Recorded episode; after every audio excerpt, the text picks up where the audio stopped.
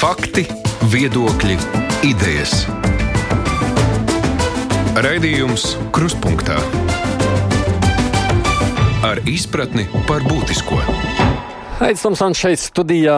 Jauna ekonomiskā krīze mūs ir sasniegusi agrāk nekā bijām iedomājušies. Un jautājums nav par to, vai mūs gaida recesija, bet gan cik dziļa tā būs. Tā saka ekonomisti runājot par koronavīrusu izraisītajām sekām.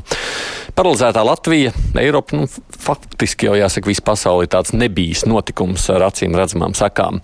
Kādiem satricinājumiem tad mēs gatavojamies, cik mums tas visiem izmaksās, kā grasāmies tikt tam pāri, tas ir mūsu šīs dienas kruspunktā diskusijas temats temats. Tāpat kā iepriekšējās dienās, mēs arī šoreiz diskusijā tiekamies attālināti. Es esmu studijā, savukārt vispārējie sarunas dalībnieki ir pie saviem datoriem vai telefoniem. Tirzniecības rūpniecības kameras prezidents Aigars Rostovskis. Labdien jums, Rostovskungs. Labdien. Dzirdam Labdien. labi. Saimas budžeta un finanšu komisijas vadītājs Mārtiņš Bondars. Labdien. Labdien! Labdien. Ekonomikas ministrijas valsts sekretāra vietnieks Raimons Aleksejenko. Sveicināti! Jā, un arī no Svetbanku uzņēmumu finansēšanas atbalsta daļas vadītājs Jānis Paiders. Labdien! Sveiki.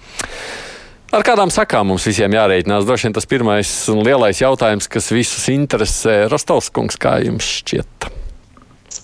Nu, protams, te jau ir skaidrs tas, ka ir, ir tautsēmniecības un ekonomikas kritiens. Šobrīd, protams, es domāju, neviens neriskēs pateikt, cik viņš būs dziļš, bet skaidrs, ka kritiens būs. Es domāju, ka lielā mērā tas ir atkarīgs no tā, cik ātri, strauji un efektīvi izdosies ierobežot šo vīrusu izplatību un, attiecīgi, tādā ziņā arī pēc iespējas ātrāk atļaut uzņēmējdarbībai atgriezties nu, tādā normālā ritmā. Ja? Jo tas laiks būs ilgāks, jo tas, tā krīze būs garāka un dziļāka. Ja? Tā, kā, tā kā mēs visi esam ieinteresēti pēc iespējas ātrāk, lai uzņēmumi var sākt darboties pilnvērtīgi. Nu, vismaz skatoties uz tādām robežu atvēršanas perspektīvu, izskatās, ka tas ir mēnešu. Noteikti vairāku mēnešu jautājums, ņemot vērā, ka citur jau tā izplatība vēl tikai vai nu sākas, vai sāksies, vai vēl tur jau viss ir tikai tādā, tāpat kā mums augošā secībā. Nu, vienīgā, vienīgā pieredze mums pašlaik ir, ja var teikt, Ķīna un tas reģions. Jā, protams, tur ir specifika arī jāņem vērā par viņu veidiem, kā viņi ierobežoja. Viņiem tas sākās decembrī, nu tagad ir pazīmes, ka tur viņi sāk atkopties. Tas viņiem ir prasījis nu, divi, divi, divi pus mēneši. Nu, Jācer ļoti, ka mums izdosies vismaz tādā ātrumā vai ātrāk. Un arī, pat, ja mēs skatāmies arī tādā Eiropas kontekstā, skaidrs, ka lielais uzlūks mums ir Itālijā, bet, ja mēs skatāmies Latvijas kontekstā, nu, mums ir jādara viss, lai mēs tieši kā Latvija būtu arī nu, nu, saka, tajās pirmajās rindās, ka mēs varam sākt funkcionēt pilnvērtīgāk. Droši vien būs arī konkrētāki jautājumi. Paidarkungs, savukārt skatoties tīri no tāda naudas viedokļa, par kādu tad mēs kritumu un kādām summām varētu runāt šobrīd? Šis ir grūti atbildams jautājums šobrīd, ņemot vērā, ka mēs tajā jaunajā situācijā esam nu, teiksim, nedēļa, nu, tādā pavisam jaunajā, kas ir ārkārtas situācija valstī. Nu, vairāk vai mazāk katras dienas beigās ir mēģinājumi kaut kādā aplēst, bet pagaidām nu, kā, situācija arī mainās pa stundām. At, atturēšos šobrīd nosaukt kaut kādus konkrētus, konkrētus skaitļus.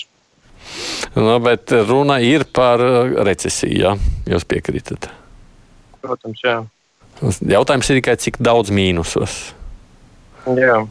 Mil, nu, man jau patīk simtos miljonos. Nu, kā, kaut kā jau cilvēkiem gribas saprast. Nu, droši vien tur ir jārunā par kaut kādu iekšzemes koproduktu kritumu, kas nu, ir bāzes scenārijs un kāds ir kaut kādā sliktākajā gadījumā. Bet, kā jau es minēju, nu, tiešām šobrīd ir grūti. Es negribētu nosaukt kaut kādu, kaut kādu skaitli. Mm. Bondarkungs, kam mēs vispār esam spējīgi tādā ziņā kaut cik nesāpīgāk tikt pāri? Nu, tā pirmā lieta ir, protams, izdarīt visu, lai nebūtu cilvēku upuri. Tas ir primārais, jebkurā gadījumā, un tikai pēc tam mēs runājam par pārtikšanu. Jo, manuprāt, pirmais un svarīgākais, kad sastopās ar zināmu nezināmo, ir svarīgi, ka mēs nu, nepieļaujam cilvēku upurus. Nu, labi, šī ir lieta, ko mēs, protams, te katru dienu runājam un droši vien runāsim. Mums tā interesē, bet nav stāsts tikai par to, ka mēs izdzīvojam. Tas ir tās, ka gribas arī ēst. Es redzu tās vēstules, kas mums nāk uz radio, un tās ir bažu pilnas, lai neteiktu vairāk? Uh, šobrīd uh, vismaz Latvijas pārtiks ražotāji, ražotāji un uh, Latvijas, Latvija ir spējīga apgādāt savus cilvēkus ar, ar pārtiks produktiem. Tāpēc šādā ziņā mums satraukums būtu mazāks. Bet, ja runājam par ekonomiku nākotnē, tad, protams, tā ir tikpat nezināma kā kā tas nezināmais, ar kuru mēs esam sastapušies. Nu, klausoties tādā, tagad jūs pirmos trīs, nu, zin, tā ir tāda sajūta, nu, mēs jau neko nezinām, nu, skatīsimies, kas notiksies, nu, kā būs, tā būs apmēram, vai ne? Dzīvojam pēc šāda principa, Aleksēja kungs. Um, jā, ne, visu laiku jau notiek prognozes. Tas, ko arī pārējie eksperti izteicās, ne jau par to, ka nav prognozes. Vairāk, es domāju, ir ļoti grūti noprognozēt, cik liela un cik dziļa būs uh, nu, tā, problēmas beigās. Uh, ja mēs pieņemam, ka uh, būtu tikai un vienīgi uh, vīrusu izraisītās pārtraukumi, tad nu, var prognozēt, ka aptuveni 1,2% varētu būt tas apjoms, kā ekonomika kādā apjomā cietīs. Tas ir 1,2% samazinājums vismaz šogad varētu būt pret, pret bāzes scenāriju. Un, bet te ir jāņem vērā, ka viņi varētu būt arī lielāka ievelkoties krīzē, paplašinoties, tā skaitā arī um, skatoties arī ne tikai tas, kas notiek Latvijā, bet kas galvenokārt notiek mūsu galvenajos eksporta tirgos. Kas šobrīd rada vislielākās tās bažas? Nu, viena lieta mēs esam jau diezgan diskutējuši par to, kas notiek restorānos, turisma nozarē, viesnīcās un pārējās vietās, kur ir tās saspringtākā situācija. Vissaspringtākā situācija visās jomās ir tieši piegāžu ķēdēs. Tas ir uh, viss, kas ir saistīts ar uh, pakalpojumu un produktu piegādi. Šī ir visvairāk cietušā joma un arī visriskantākā, tā skaitā arī uzņēmējiem. Tie pasākumi, kas ir saistīti tieši ar vīrusu ierobežošanu, viņi būs nu, visdrīzāk. Pagaidām tiek prognozēts, ka viņi būs relatīvi īsi. Šīs pārtrauktās ķēdes, piegādes, nepiegādātā produkcija, saistības, kas nav izpildītas, virkne pasākumu, kur ir, kas ir tieši saistīti ar produkcijas piegādi un, un, un šo piegāžu nodrošināšanu. Tas būs viss, man liekas, svarīgākais, kas visus uzņēmējus tūlīt jau sāks interesēt relatīvi drīz um, par, nu, par risinājumiem. Jā, no vienas puses jau liekas, nu labi, kas tam mums piegāda, nu mēs varam paciesties, nedabūjām šodien, varbūt dabūsim nākošajā nedēļā. Tas ir tāds vairāk uh, paciešanās jautājums, ne? Nu, tur noteikti uzņēmēji, organizācijas arī varētu nokomentēt, bet ne tikai paciešanās. Tas katrs, katra šī dīkstāve, tas ir produkcijas ražošanai nepieciešamās izaivielas, kas nozīmē dīkstāvi, nozīmē zaudējums uzņēmumam. Un tieši tas pats ir arī tad, kad uzņēmums piegādā produkciju. Otrā pusē arī klienti tajā brīdī, kad sāks vērties atkal tirgi vaļā, Iespējams, ka daļa no klientiem negaidīs, kurā brīdī Latvija ir gatava Latvijas uzņēmēji piegādāt, un tad sāksies ļoti agresīva konkurence par piegādēm starp citiem citu valstu uzņēmumiem. Mm. Rostovs kungs, kā mēs skatāmies, kas ir šobrīd tās sāpīgākās situācijas, jau runājām? Kas vispār notiek ar ražošanu, ja tā var jautāt? Nu, te ir tā, ka tas pirmais jautājums vienkārši bija par to situāciju, tāpēc viņi tika, saka, arī no manas puses nokomentēti. Bet mēs tagad varam pāriet jau lēnām tajā diskusijā par to, kas mums būtu jādara un kas būtu valdībai jādara. Es mm. pateikšu tā, ka, protams, ka šobrīd telefons, e-pasts, WhatsApp ir karsts un nāk visas idejas. Šobrīd pot, potenciāli, potenciāli tas lielākā problēma ir potenciālā naudas eh, plūsmas problēmas. Ja, jo faktiski visas tās kustības sāk bremzēties. Līdz ar to skaidrs, ka eh, uzņēmēji uzņēmuma līmenī sāk domāt, nu, viņi arī sāk likt tos plānus, nu, cik, cik katrs uzņēmums tos mēnešus, nedēļas var izvilkt. Ja. Un te šobrīd ir ļoti būtiska tieši valdības rīcība, jo mums ir visiem jāsaprot, ka Šobrīd ir tāds turbulents laiks, un mums vienlaikus tas ir iespēja laiks. Ja mēs kā Latvijas sabiedrība, valdība kopā ar visiem ekspertiem nostrādās maksimāli vieti, gudri un tālredzīgi, mēs patiesībā pēc šīs turbulences un krīzes varam uzrauties uz augšu. Ja mēs būsim neveiksmīgi, tad uz leju. Tagad, ja mēs runājam par izcinājumiem, jāsaka tā, ka darbs komandā notiek, mēs arī esam visur pieaicināti. Mums ir sakrīt viedoklis ar ar, kā saka, valdību, ar tiem, kam būs jāpieņem šie lēmumi, tajos, kad jāstrādā ir trijos virzienos. Viens ir viss, kas saistās ar resursu pieejamību, tas ir bankas, lai finanšu pieejamība ir. Otrs virziens ir dažādi nu, darbs, teiksim, ar ieņēmumu dienestu, tur ir stāsts par nodokļu atlikšanām, iesaldēšanām, un trešais virziens ir darbinieku virziens, kādās, lai nepazaudētu cilvēkus. Un viņam nodrošina arī, jo viena lieta ir pārtiku piegādāt, bet otra lieta, lai cilvēkiem ir nauda, ka to pārtiku var. Nu, jā, tā ir tā ķīpa. Atšķirība, tā atšķirība, tā atšķirība, un šeit es skaidri pateikt, mūsu rekomendācija ir tāda, ka mēs sakam, kad ir jādod šis atbalsts visiem, visai tautsēmniecībai, visiem uzņēmumiem, jo cietīs vai tajā saskarsies ar krīzi pilnīgi visi. Valdība šobrīd iet ceļu, kad mēģina šķirot nozarēs. Es šeit sēžot, skaidri pasaku, ietekme būs pilnīgi visiem. Otra lieta, tas, kas arī šodien krīzes padomē bija, tur ir bišķiņa nu, tā sajūta, ka tā darbība notiek tā birokrātiski. Tur skatās kaut kādus punktus, pantus, Un ir bažas, ka tas, var, eh, tā, tas atbalsts var ies, ieslēgties kaut kādās birokrātiskās procedūrās, ierēģu izskatīšanās. Šodien ir izšķiroši spērt plašu, platus soļus un dot skaidru vēstījumu uzņēmējiem, ka būs tas, tas lielās programmas. Aizdevuma programma, nezinu, kaut kādu nodokļu pārlikšanas lietu, skaidri vēstījumu. Ja, ja šis tiks nokavēts, tad uzņēmumi uzņēmuma līmenī vienkārši, lai izdzīvotu, paši pieņems lēmumus tās saglabāš, pašsaglabāšanās līmenī. Un šī ir tā atšķirīgā viedokļa. Tāpēc arī šeit sēžot, es aicinu politiķus visus spērt plašus, pārliecinošus soļus un skars visus atbalstu vai palīdzību, ja finanšu piegāde vai visai tautsēmniecībai, visiem uzņēmumiem, nešķirojot nozares. Mēs esam šodien redzējuši ziņu, ka Šrādenkungs arī sacīs, nu, ka ir svarīgi vispirms apzināt nozares. Jūs sakāt, ka nē. Aleksēnkungs arī šobrīd krat ar galvu, tā kā piekrītot uzņēmējiem, nevis kolēģiem no politikas. Jā, pilnībā.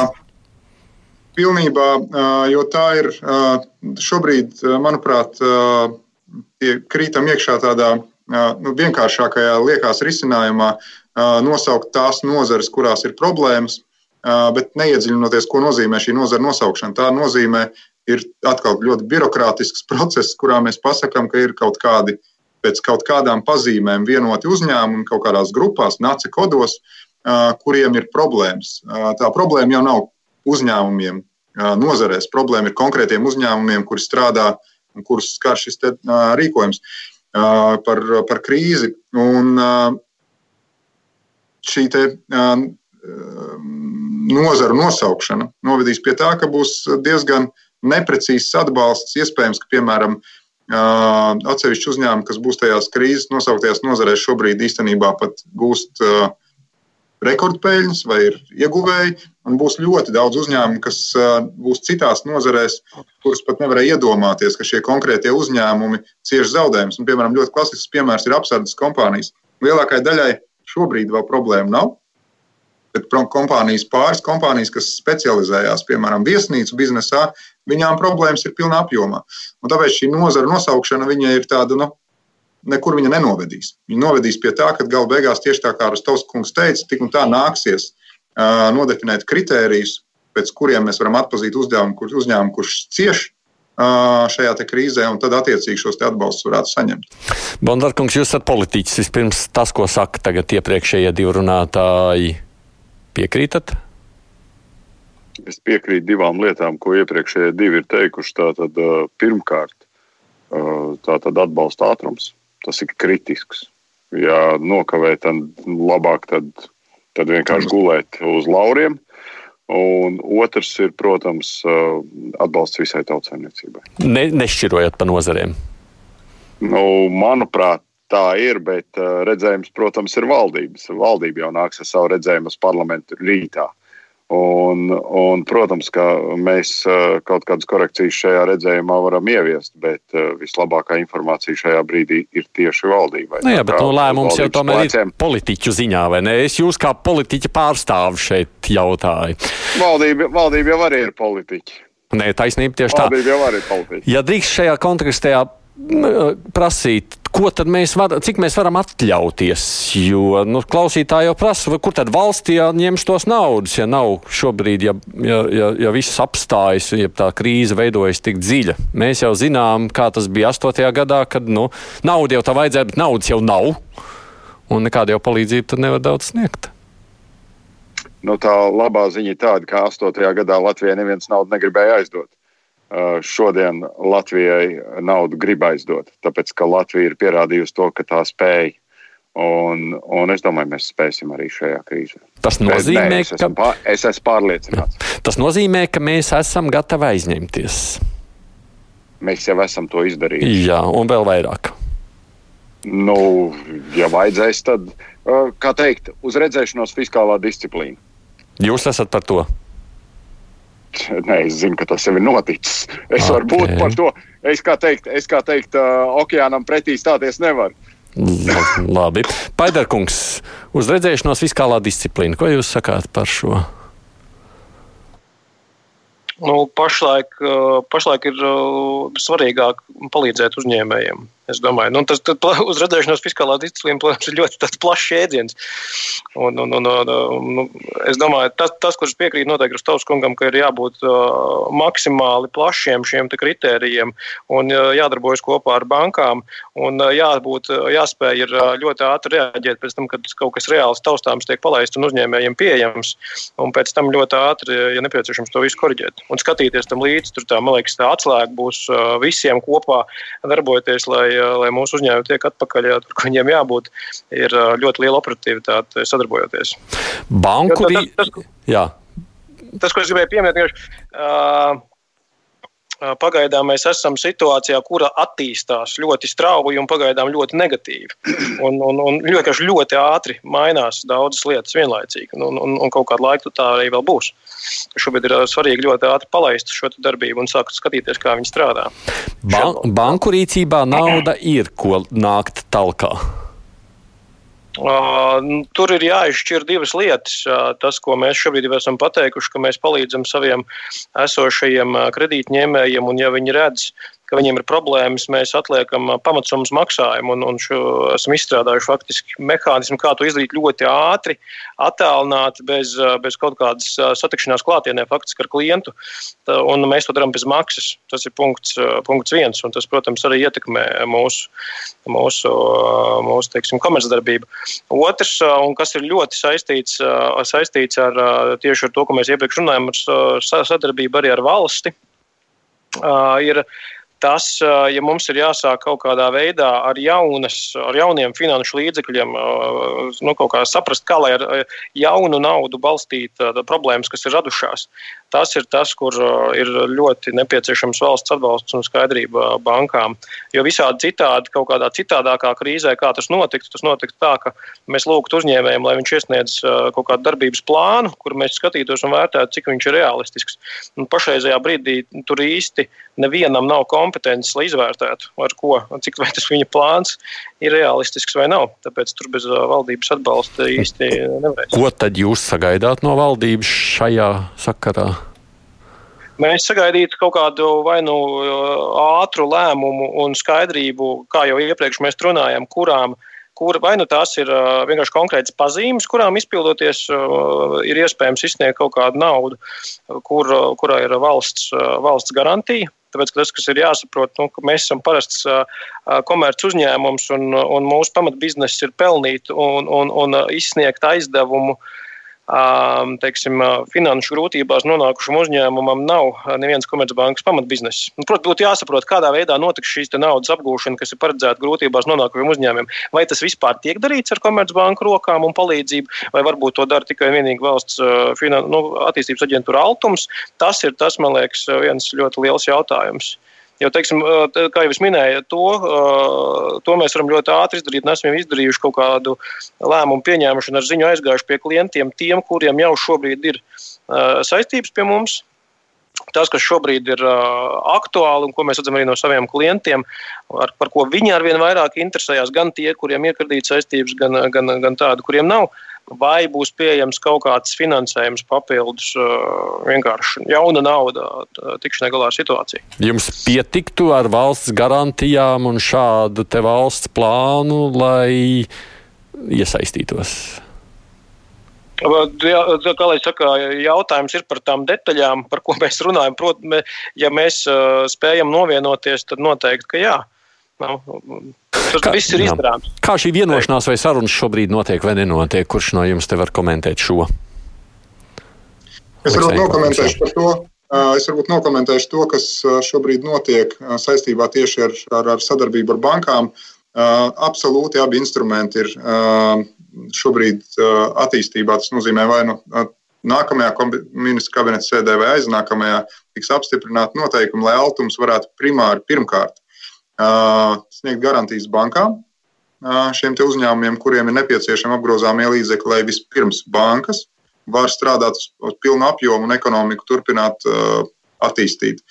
Un otrkārt, arī uh, atsevišķi arī tieši aizdevumi gadījumos, kad komercbankām varētu būt minēti riski, kurus viņi nevar novērtēt, lai arī altums varētu tir, kreditēt pa tiešo tirgu.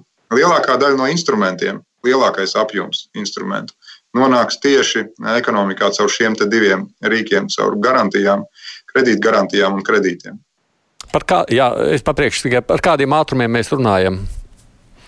Ātrumiem? Jā, nu, proti. Ātrumiem, ja programma apstiprina nākamā otrdiena, tad es domāju, ka pirmās garantijas jau arī nākamās nedēļas laikā varētu sākt tikt apstiprinātas. Šodien arī notiek valdības sēde, cik es saprotu, jā, pareizi? Jā.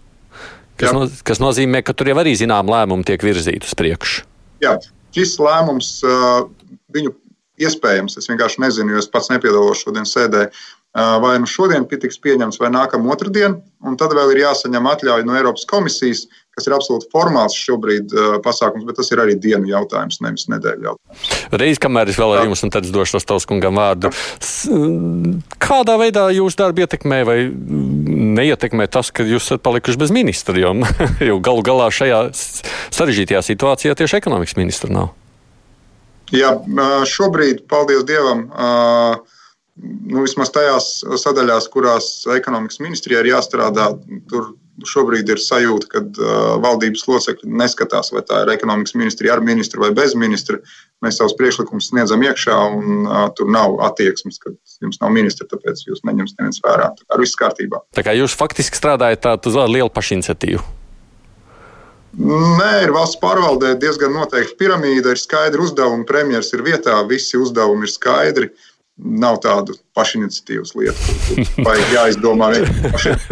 Rostovs kungs, jūs gribētu ko sacīt? Jā, nu, es divos uzreiz pēc redzējuma skriešu uz valdības sēdi, bet es varbūt divos vārdos pateiktu, apmēram, kā es rīkotos dotajā situācijā. Tas līdzīgi, tas algoritms līdzīgi kā rīkojās uzņēmēji. Tad man arī ir, es nerunāju teorētiski, man arī ir virkni uzņēmumi, man arī kaut kas jārisina. Tad, tad pirmais, ko es darītu, un faktiski šajā lomā tieši tā naudas iepludināšana spēlē izšķirošo lomu. Tad, ko es darītu? No tā paša kaut kāda nosītā miljarda pateikt, piemēram, ka pusmiljards tiks iedots garantijām banku kreditēšanai. Tas būtu skaidrs solis, arī skaidrs vēstījums uzņēmējiem, ka viņi varēs aiziet uz banku un ar valsts garantiju aizņemties. Ātri uzdot uzdevumu, teiksim, attiecīgi, tur nezinu, trīs dienu laikā valdības pārstāvjiem ar bankām saskaņot šos tehniskos noteikumus. Tur ir vienkārši jāatrisina tādā ziņā, nu, pēc izmēra, pēc kaut kādiem rādītājiem, lai vienkārši nu, mēs to naudu arī nenokurinām nu, pilnīgi nevajadzīgi. Jo, protams, ka jā, jākoncentrējas uz tiem uzņēmumiem, kas vienkārši normāli dzīvot spējīgi, jo viņi ir tā krīze ir atnākusi no ārpuses. Tas būtu skaidrs vēstījums, būs pieejama nauda. Tas jau nomierinātu biznesu. Jā. Un, eh, un, un te, te būtu ļoti laba lieta, jo ne visi iet pēc tiem kredītiem. Ir uzņēmumi, kas, kas, kas var darboties, bet viņi saprast, ka ir tā iespēja. Līdz ar to viņi uzreiz varētu mainīt savu uzvedību, viņi nu, samazinātu stresa līmeni. Ja? Otra lieta, šobrīd teiksim, nu, tas, kas man nepatīk arī valdības tajā virzienā, un es izstāstīšu ātri vienu piemēru. Ir skolas eh, vai bērndārs, kuriem ir apturēta šī ēdināšana. Ja? Un teikt, ot, vajag tagad atbalstīt šos uzņēmumus, kurus, kurus tur ēdināja bērndārs. Es kā uzņēmējs saku, klausies, tātad, ja es būtu tādā situācijā, ja man būtu pieejams kredīts, es aizietu uz banku, paprasītu kredītu, banka iedot, jo ir valsts garantija, un es transformētu savu uzņēmējdarbību uz piegādi. Jo šobrīd, lai pasūtītu ēdienu, ir jāgaida trīs dienas. Tādā ziņā arī uzņēmējiem ir jāmaina sava uzvedība. Jo šis krīzes moments atļauj mums, kā ekonomikai, iziet jau daudz labākā stāvoklī. Ja? Tad, tad te, te ir tā kombinētā lieta. Tad viens bija pa bankām. Otra lieta, ko es, ko es darītu, ja? skaidrs, ka būs objektīvas situācijas, kad nu, vir, virkni darbinieki paliks tādā uzkārtā stāvoklī. Tur ir atsevišķa programma, šī te, eh, saka, dīkstāvis lieta, bet tad tā nauda ir jādod nevis uzņēmumiem, bet cilvēkiem. Arī nomierināt, nomierinot cilvēkus, kad iedod šo naudu, lai ir pa ko aiziet uz veikalu nopirkt pārtiku. Trešā lieta Mēs varam apskatīt uh, momentu, ka, piemēram, mēs uz diviem, trim mēnešiem pasakām, ka nebūs jāmaksā VSOI un arī daļu no miljarda novirzīt tajā. Tas atkal iedod šo skaidro momentu, ka uzņēmumos paliek nauda, kur viņi var izmantot vai investīcijām, tiem, kam iet labi šobrīd vai arī turēt darbiniekiem risināt. Bet ir jābūt šiem skaidriem soļiem, platiem, ātrai, straujai rīcībai. Tas vienkārši nomierinās sistēmu. Ja viss tas aizies garā birokrātijā, kur kādiem ierēģiem būs jāskatās, kurš tur var, kurš nevar. Latvijā ir reģistrēti aptuveni 200 tūkstoši uzņēmumu. Kuri ierēģi ko izvērtēs? Tur sāksies korupcija, tur sāksies sarunāšanas. Kā tu izvērtēsi daudznazaru uzņēmumu? Viņam ir virkni darbības. Viņš ir atbalstāmajos vai nav. Tur sāksies kaut kādas liekas darbības. Mēs vienkārši ieklemēsim tajā procesā, jā? nevis spērsim skaidrus soļus. Kā pārējie būtu gatavi komentēt, vai piekrist, vai iebilst no tā, ko sacīja Rastovs kungs? Nu, neviens.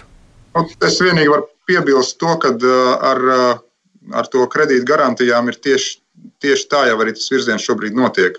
Um, tiek virzīts uh, aptuveni 150 miljoni, varētu nonākt vispār finanšu instrumentos tirgu, kas Nu, šobrīd es nevaru apgalvot, ka tie sasniegs noteikti 500 miljonus uh, eiro, bet noteikti ar laiku uh, šis finansējums uh, finanšu instrumentiem būs pieejams pietiekamā apjomā.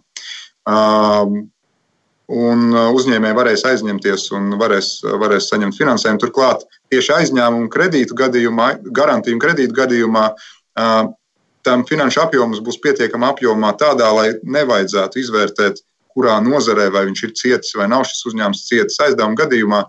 Arī Rostovs kungs ļoti precīzi pateica, tur nav uzņēmums pats ļoti labi izvērtēt, aizņemties vai neaizņemties. Tur nav ļoti valdībai jājaucās pa vidu un jāskaidro, ka jūs izskatāties pārāk stiprs, jums mēs neaizdosim. Kā ne šādu, šādu sadaļu, ne, nu, tajā sadaļā tieši tā arī šobrīd rīcība notiek. Mm. Savukārt, Kravaļkungs prasa, vai mēs varam šobrīd runāt par kādu uzņēmēju bankrotu vai likviditātes problēmām, jo daudz uzņēmumu jau var samazināt tās ražošanas jaudas, pakalpojumu sniegšanu. Tas jau uzreiz taču nenoved pie bankrota, vai ne tā? Tas ir ļoti atkarīgs no uzņēmuma. Gribētu teikt, tas ir ļoti atkarīgs no uzņēmuma kā jau mēs zinām, kaut kādas nozares kaut kur izskan, ir kaut kādas nozares, kuras ir jau pirmās izjutušas šīs lietas. Līdz ar to ir skaidrs, ka kaut kādās nozarēs strādājoši uzņēmumi to jau izjūt. Un tad ir nākamais jautājums, ir, vai šim uzņēmumam ir kaut kādas rezerves pašlaik, lai tiktu ar, ar šo galā. Jo, nu, ir kaut kādas, eh, ir kaut kādi uzņēmumi, kas jau šobrīd, eh, šo nedēļu jau nu, saprot, ka ir pilnībā nomainījies pa 180 grādiem viss viņa teiksim, darbības modelis. Ja, piemēram, nepārtiks preču mazumtirniecība, kas ir mm, tikai fiziskajās vietās, ja, tur ir eh, jau šobrīd pamatīgi, pamatīgi slikti Un, un, un, tas, ko, tas, kur arī gribētu piekrist Rostovs kungu teiktiem, jebkurā no situācijām uzņēmējs jau ir tas, kas vislabāk redz, kas šobrīd notiek. Un viņam ir, nu, kaut kāds, viņam ir kaut kāds plāns, kur viņš var apdomāt. Vai nu tas ir pārorientēties uz kaut kādiem citiem, kaut kādiem tirgiem. Mm -hmm. Viņam noteikti ir jārunā ar saviem partneriem, jāsaprot, ko viņi dara un domā par ar, ar partneriem, kas viņiem ir iznomājuši telpas. Un tā tālāk var iespējams vienoties par kaut kādiem citiem termiņiem un tā tālāk. Ja runa par maksāt, spējas problēmām, jā, tad ir uzņēmumi, kuri jau šobrīd redz, ka viņas būs, un kuri jau šobrīd vēršas pie mums, un, un, un mēs skatāmies kopā, ko ar to darīt. Tas, ko sacīja savukārt Rostovs kungs, bija arī kaut kādā mērā pieminēts. Nu, kaut arī tas pats sociāla apdrošināšanas nodoklis. Aleksēja Kungs, jums ir kaut kāda sadarbība ar Labklājības ministriju visā šajā procesā strādājot pie šīs krīzes pārvarēšanas, jo tas jau arī darba ņēmēji, nevis tikai devēja jautājums. Tas visi šie uzdevumi un tā koordinācija notiek finanšu ministra vadībā. Tur attiecīgi ir iesaistīts visas, visas ministrijas un arī sadarbības partneri no privātajām organizācijām. Labklājības ministrija arī ir klāta pie šīm sarunām. un, un, un, un visas tās darbības tur arī tiek koordinētas. Es droši vien atgādināšu klausītājiem, kas mazliet vēlāk ir pieslēgušies, lai viņi zinātu, kas šeit notiek ēterā. Tātad tā mums ir saruna par ekonomisko situāciju, kāda ir izveidojusies. Mums ir četri attālināti raidījuma viesi, ar kuriem mēs sarunājamies no Tirzniecības un Rūpniecības kameras Aigars Rostovskis, no Saimnes budžeta finanšu komisijas Mārtiņš Bondars, ekonomikas ministrijas Raimons Aleksejenko un no Svetbanka Jānis Paiders. Raidījums Krustpunktā. Savukārt, sazvanījuši savukārt mēs esam no Labklājības ministrijas uh, um, valsts sekretāra vietnieci Janu Mužniec. Mužniec kundze, labdien! Halo! Jā, labdien! Mēs runājam par situāciju, kādā šobrīd ir nonākuši darba ņēmēji. Es varētu jums lasīt virkni e-pastu šobrīd, kurām cilvēki ir bažām par to, ka viņi paliks tūlīt bez iztiks līdzekļiem, ka viņiem nebūs darba, viņiem nebūs naudas. Ko labklājības ministrija dara, ja grasās kādā veidā iedrošināt nezinu, šos cilvēkus? Sacīsim tagad tā. Jā, nu, vispirmām kārtām, protams, viss arī valdības darbs ir vērsts uz to, lai tiktu saglabātas darba vietas, lai cilvēki netiktu atlaisti. Tas ir no, prioritāte numur viens. Līdz ar to tātad šodien arī tiek izskatīts nu, kopējā ietvara likums, kur viens arī no šiem punktiem paredz, ka, ja ir noteiktā šīs krīzes skartās nozares, tad tajā gadījumā tiks izmaksāts dīkstāves pabalsts. Tātad 75% no noteiktās atlīdzības, vai, bet ne vairāk kā 700 eiro. Protams, šobrīd pēc šī likuma pieņemšanas, kas ļoti ceram, ka tiks pieņemts rīt, tiks arī izstrādāta ministra kabineta noteikumi, kur tiks nodefinētas nozares un noteikti, noteikti arī kārtība, kādā veidā tas notiksies. Tas, nu, protams, ir tāds nu, pirmais, nu, tāds lielākais un atbalsts numur viens. Uh, jebkurā gadījumā, protams, pastāv arī esošās sociālās aizsardzības uh, sistēmas šie pamata elementi, un viens no tiem ir bezdarbnieku pabalsts. Pagaidām mēs nu, tādu īpaši lielu bezdarba pieaugumu nejūtam. Ir mazliet ir šis pieaugums, bet nu, tāda, tāda ļoti liela ārkārtas šis pieaugums nav vērojams. Bet nu, viss jau ir priekšā varētu būt, vai ne tā? Jā, protams, līdz ar to tātad pirmie, pirmie šie pasākumi e, tiek jau veikti, tiek domāts, un tātad darbs notiek nepār, nepārtraukti un domājot, kādi vēl varētu būt šie atbalsta mehānismi. Un, e, pirmie jau, kas ir šie lēmumi, kas ir pieņemti, arī ņemot vērā to, ka mums ir jāmācās kopā visiem pilnīgi savādāk strādāt. E, tātad, e, tas nozīmē to, ka mums praktiski ir pārtrauktas visas arī šīs klātienes tikšanās, bet te pašā laikā cilvēkiem ir nepieciešams pagarināt dažādas izziņas, lai vienu vai otru pabalstu saņemtu vai kādu otru, vienu, otru pakalpojumu atbalstu saņemtu.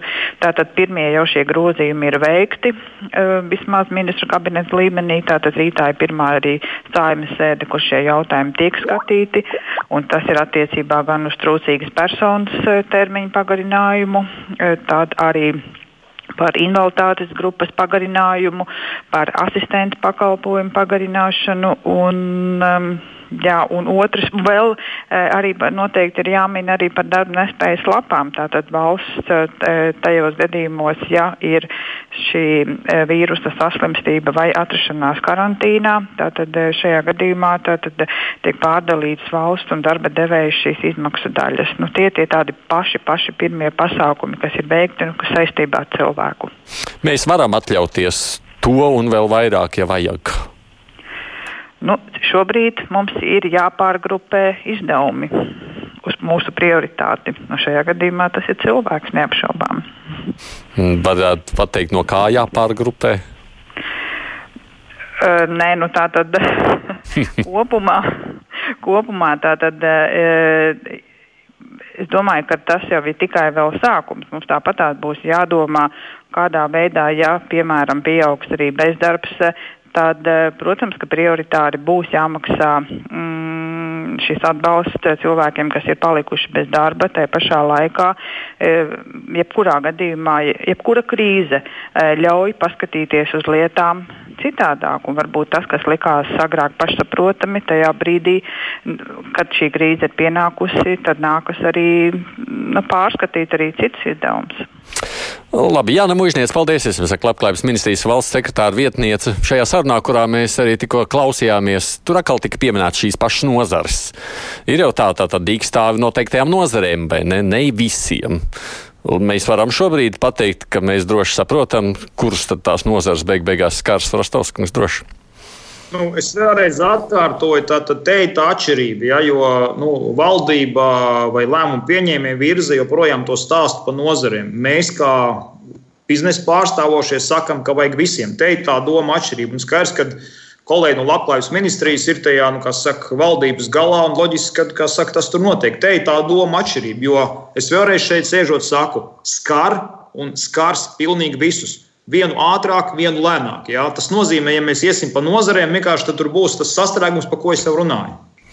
Vairāk klausītāji jautā par pašnodarbinātajiem, kuri šobrīd paliek uz sēkļa, un tas tā gan varētu būt. Kurš no jums varētu skaidrot, kas notiek ar šiem cilvēkiem, kuriem, nu, būtībā viņiem nav nedz tādas īstas sociālās aizsardzības līdz šim, nedz arī vairs ar no kā dzīvot, jo faktiski pasākumi, kurus viņi vienalga vai vada, vai kas ir beigušies, un naudas vairs neienāk ģimenē. Ko darīt? Bondarkungs.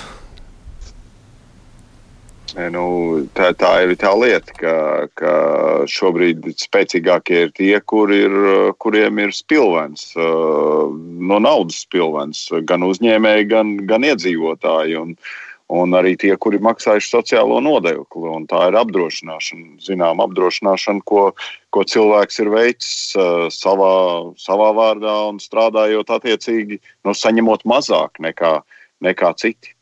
Nu, ko, man, ko man teikt? Nu, jā, labos laikos ir jādomā par nākotni.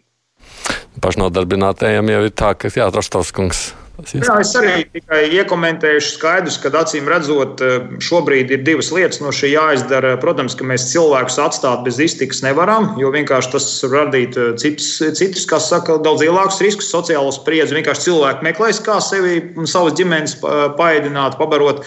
Bet eh, uzreiz pēc šīs krīzes ir jākoreģē arī šīs nodokļu politika. Jo es šeit sēžot kā uzņēmējs, teikšu tā, ka, manuprāt, Nu, saka, šos 30 gadus tā nodokļu politika ir dažādi lipināta, bet es teikšu tā, vajadzētu būt vienai likmei visiem pilnīgi, kas ir biznesā. Tas būtu arī taisnīgi. Un cita lieta, ka šai likmēm ir jābūt nu, konkurētspējīgām reģionāli. Ja? Un tad tie jautājumi vienkārši pazust nākotnē. Vienkārši no šīs krīzes ir jāizdara arī savu secinājumu, pēc tam jāpieņem attiecīgi lēmumi.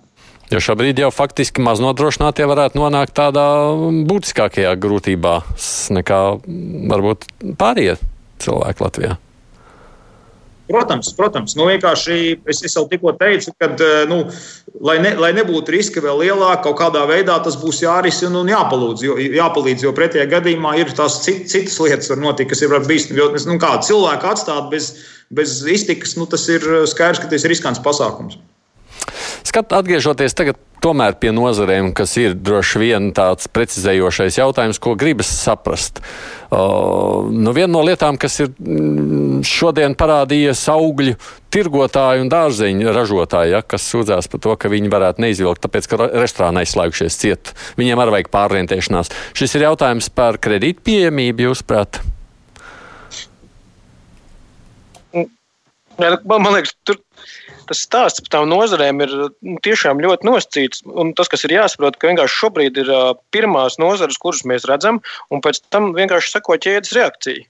Tādā ziņā tas dalījums pa nozarēm ir vienkārši. Viņš rodas no tā, ka mēs šobrīd runājam par pirmajām nozarēm, kurām ir izteikts problēmas. Un pēc tam lielā mērā tam sekos visas pārējās, vairāk vai mazāk dziļi. Un ir kaut kāds, kaut kāds nozaru skaits, kas būs vienkārši mazāk skarts. Ja? Uh, un, un, un kādas tieši tur ir nozars, kādas tieši tur ir problēmas, vai tā ir kredīta pieejamība, vai, vai, vai, vai vienkārši brīvo naudas līdzekļu rezerve ir tādas vai nav. Un mm, ļoti dažādi. Ļoti dažādi. Un... Nu, jā. nu, otrs, ko mēs dzirdam, skaļas balss no mūsu kolēģiem, kas ir komercmedijos, sakot, ka reklāmas ir beigušās. Tā visticamāk ir, to mēs redzam arī paši savā ētrā. Un viss medijiem vairs nav no kā maksāt saviem darbiniekiem algas. Tur, tur nezinu, vai kredīti vairs līdzi šajā brīdī. Ko darīt? Slēdzam ciet, taisam, vai arī tur ir kādi risinājumi, meklējam citi. Ne, tur, man liekas, tur ir kaut kāds pasā, pasākums, ātri pasākumu kopums. Jo viens ir tas, nu, kā, kā jau mēs minējām, ir jāsadarbojas visiem kopā, komercbankām ar valdību, lai saprastu, ko darīt ar uzņēmējiem, kas jau ir aizņēmušies, kuriem grūtības atmaksāt.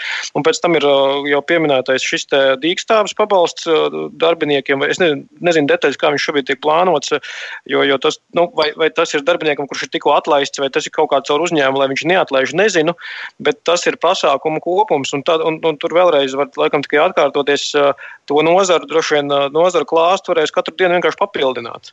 Tikmēr, kamēr tur būs visdrīzāk visas. Jā, Rostovs kungs. Tāpēc es saku, ka nav jēga iet šim algoritmam cauri, ka tur katru dienu papildināt nozares un tur kāda birokrāta to skatīs. Ir skaidrs, jādomā pāris soļus uz priekšu. Ejam uzreiz, kad es skaru visus, speram plato soli, dodam signālu. Tagad izspēlējam šo spēli. Ir kaut kāds reklāmas uzņēmums vai līdzīgs, un tad to var sadalīt pa sastāvdaļām. Ja? Tātad, ja šis uzņēmums zina, Kad, principā, ņemot vērā Ķīnas pieredzi, kad kaut kādos mēnešos mēs kaut kā atkopsimies, līdz ar to viņam, ja, viņam, ja viņš zina, ka viņš A var aiziet uz banku, kur viņam viegli iedos kredītu, nu, tad relatīvi viegli būs valsts garantija pretī. Nu, Pastīsies, ka viņš ir normāli dzīvotspējīgs, bet viņam ir tā problēma, tāpēc, ka ir krīze. Tad ziņā, ka viņš var aizņemties no biroja noturēt teiksim, kaut kādus 2, 3, 5 mēnešus pēc vajadzības. Otrām kārtām, ja viņš zina, ka darbiniekiem iedod dīkstāvu valsts, Un, ja viņš vēl zina, ka, piemēram, nezinu, mēs to VSAI vienkārši samaksājam no citurienes, tad viņš, viņam ir konkrēts instrumentārijs, kā pārlaist. Viņam vajag šo konkrēto signālu rīcībai. Ja mēs no valsts puses šo signālu neiedod, tad viņš kaut kādā veidā rīkosies. Ticam, ko viņš darīs. Diemžēl viņš atlaidīs darbiniekus, jo nav variantu vienkārši. Viņam nav variantu. Viņš kaut kādā veidā tur atkarībā no situācijas vai nu bankrotēs, vai mēģinās to biroju kaut kā noturēt, bet viņš kaut kā rīkosies. Jo valsts ilgāk muļāsies un darīs to kaut kādiem maziem birokrātiskiem soļiem, jo mēs neveiksmīgāk iziesim no tās krīzes ārā. Tas ir tas centrālais vēstījums. Plati soļi, visas nozares, skaidra rīcība, skaidri vēstījumi. Nu, šobrīd Air Baltica jau ir paziņojis, ka viņš atlaiž sākumā tik, pēc tam vēl tik un vēl tik, un faktiski jau mm, lielāko daļu no saviem darbiniekiem arī atlaiž. Vai tas ir no uzņēmēja puses nesaprātīga rīcība? Nu, teiksim tā, skaidrs, ka mums ir kaut kādi nu, atslēgas uzņēmumi, kur Air Baltica vispār ir viens no tādiem nu, vērtībām. Nu, šeit ir nekavējoties jāpieslēdzās, lai šo mūsu aktīvu saglabātu. Nekavējoties aizvakardien Vienkārši precīzi darbība ar, Baltiku. Izdarīt visu, lai šis uzņēmums saglabājās. Jo nedod Dievs, mēs viņu pazaudēsim. Nedod Dievs, tas ir milzīgs aktīvs. Jābūt rīcībai momentāli, jābūt plānam, kā ar Baltikam pārzīmot. Tikko būs apakaļ lidojumi, lai viņš uzreiz var lidmašīnas startēt momentāli. Bondarkungs, man izklausās, ka jūs kā vairāk tā kā skatāties. Jā, interesanti jau ir. Jā, labi. Proaktīva rīcība jau bija vajadzīga aizvakar arī no saimas saimta ir gatava atnākt uh, uz saimnes sēdi jebkurā brīdī. Tas ir viss, ko saimta var izdarīt. Nu, zināmā mērā šobrīd, uh, šobrīd uh, teiksim, rīcība ir valdības rokās, informācija ir valdības rokās, saimai ir funkcija, kas saucās valdības uzraudzība, darbības uzraudzība un arī to likumu pieņemšana, kur ir jāpieņem, jo 81. pāns satversmē ir nolikvidēts. Un pēc, tas, pēc tam izklausās, nu, varbūt tad nevajadzētu tik daudz jūs, kas tur laiku uzrauga to, kā valdība tie daži pats strādā. Nu, biedot, tas Zināt, tā mazliet ir. Var jau, atlaist, var, jau, var jau atlaist visus un atstāt tikai prezidiju. Jā. Bet tikai, tikai tad neraudiet, lūdzu. Par to ir Baltika. Paidarkungs, ko jūs sakāt? Ko tad vajadzētu vai vajadzēja jau darīt? Un šobrīd ir grūti komentēt, ņemot, ka tas jau ir noticis fakts. Jo Šī jau runājot par to darbinieku atlaišanu, skaidrs, ka var piekrist Rostovs kungam, ka noteikti ir uh, uzņēmumi, kas ir nu, valsts uzņēmumi, kur droši vien, ka jautājums, kāpēc tā rīcība nevarēja būt ātrāka, vai viņi ir tieši tāda, man ir grūti nokomentēt. Es pieļauju, ka tur gan jau kāda saziņa par atbildīgajām ministrijām ir bijusi.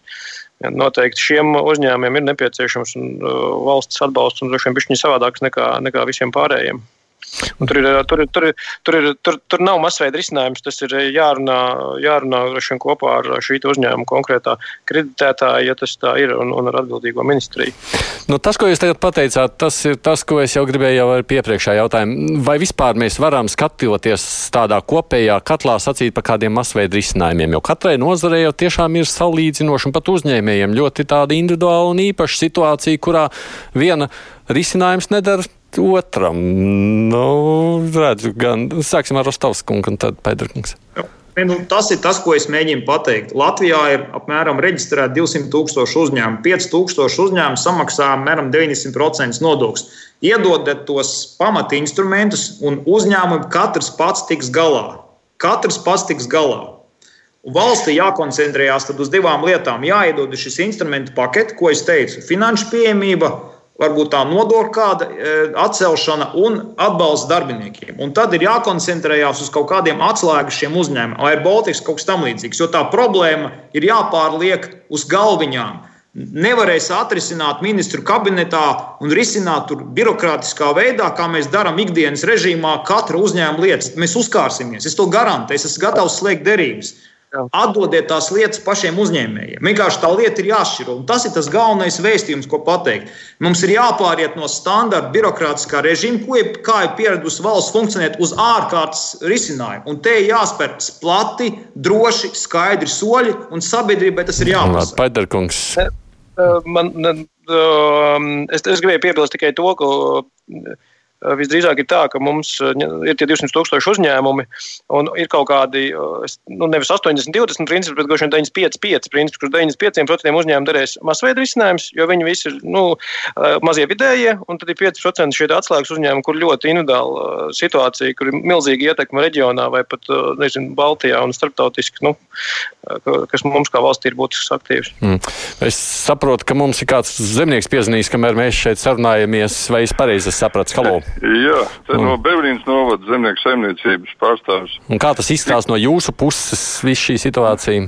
Nu, redzēs, mums jau pausars jāsaka, bet es vairāk tajā jautājumā par to bondoru atbildu. Nu, uh, tik nekompetenti cilvēki, es brīnos, kā viņš vispār tajā vietā vēl sēž. Jo šis ir kaut kāds otrais variants. Nu, tā kā bija atbraucis viņš uz mūsu strenčiem, uh, Tāpat neko konkrēti neatbildēja. Un... Nu, labi, to es neaprunāšu šobrīd. Tur jūs varētu paši sazvanīties savā starpā un pārnāt savas attiecības. Savukārt, attiecībā uz ekonomikas ministriju lūkojoties, kas jūs varētu tādu uzskaitīt, nu, tos pamatlietas mēs tā runājām, bet kas ir tas, nu, tajā pašreizajā paketē ejošs cauri? Viena lieta jau, nu, te pieminētais dīkstāvs un vispārējais, bet kas ir vēl kopumā? Pamatlietas. Uh man liekas, arī jau Rostovs kungs ļoti izsmeļoši viņas arī pieminēja. Pirmkārt, tas ir finanšu pieejamība, kredīti un, un garantijas no valsts puses, lai caur altumu, lai varētu uzņēmumi turpināt funkcionēt. Otrs ir pasākumi, kas ir saistīti ar, lai valsts nepasliktina uzņēmējiem situāciju. Tas ir nodokļu atlikšanas, nodokļu instrumenti ar nodokļiem. Lai uzņēmumi vēl neapgrūtina situāciju, tad, kad viņiem ir grūtības ar naudas plūsmu. Un trešais lielais instruments ir šis te dīkstāvis risinājums, par kuru šobrīd ir visvairāk diskusiju, kā viņu palaist, jo tāds līdz šim risinājums nav Latvijā bijis.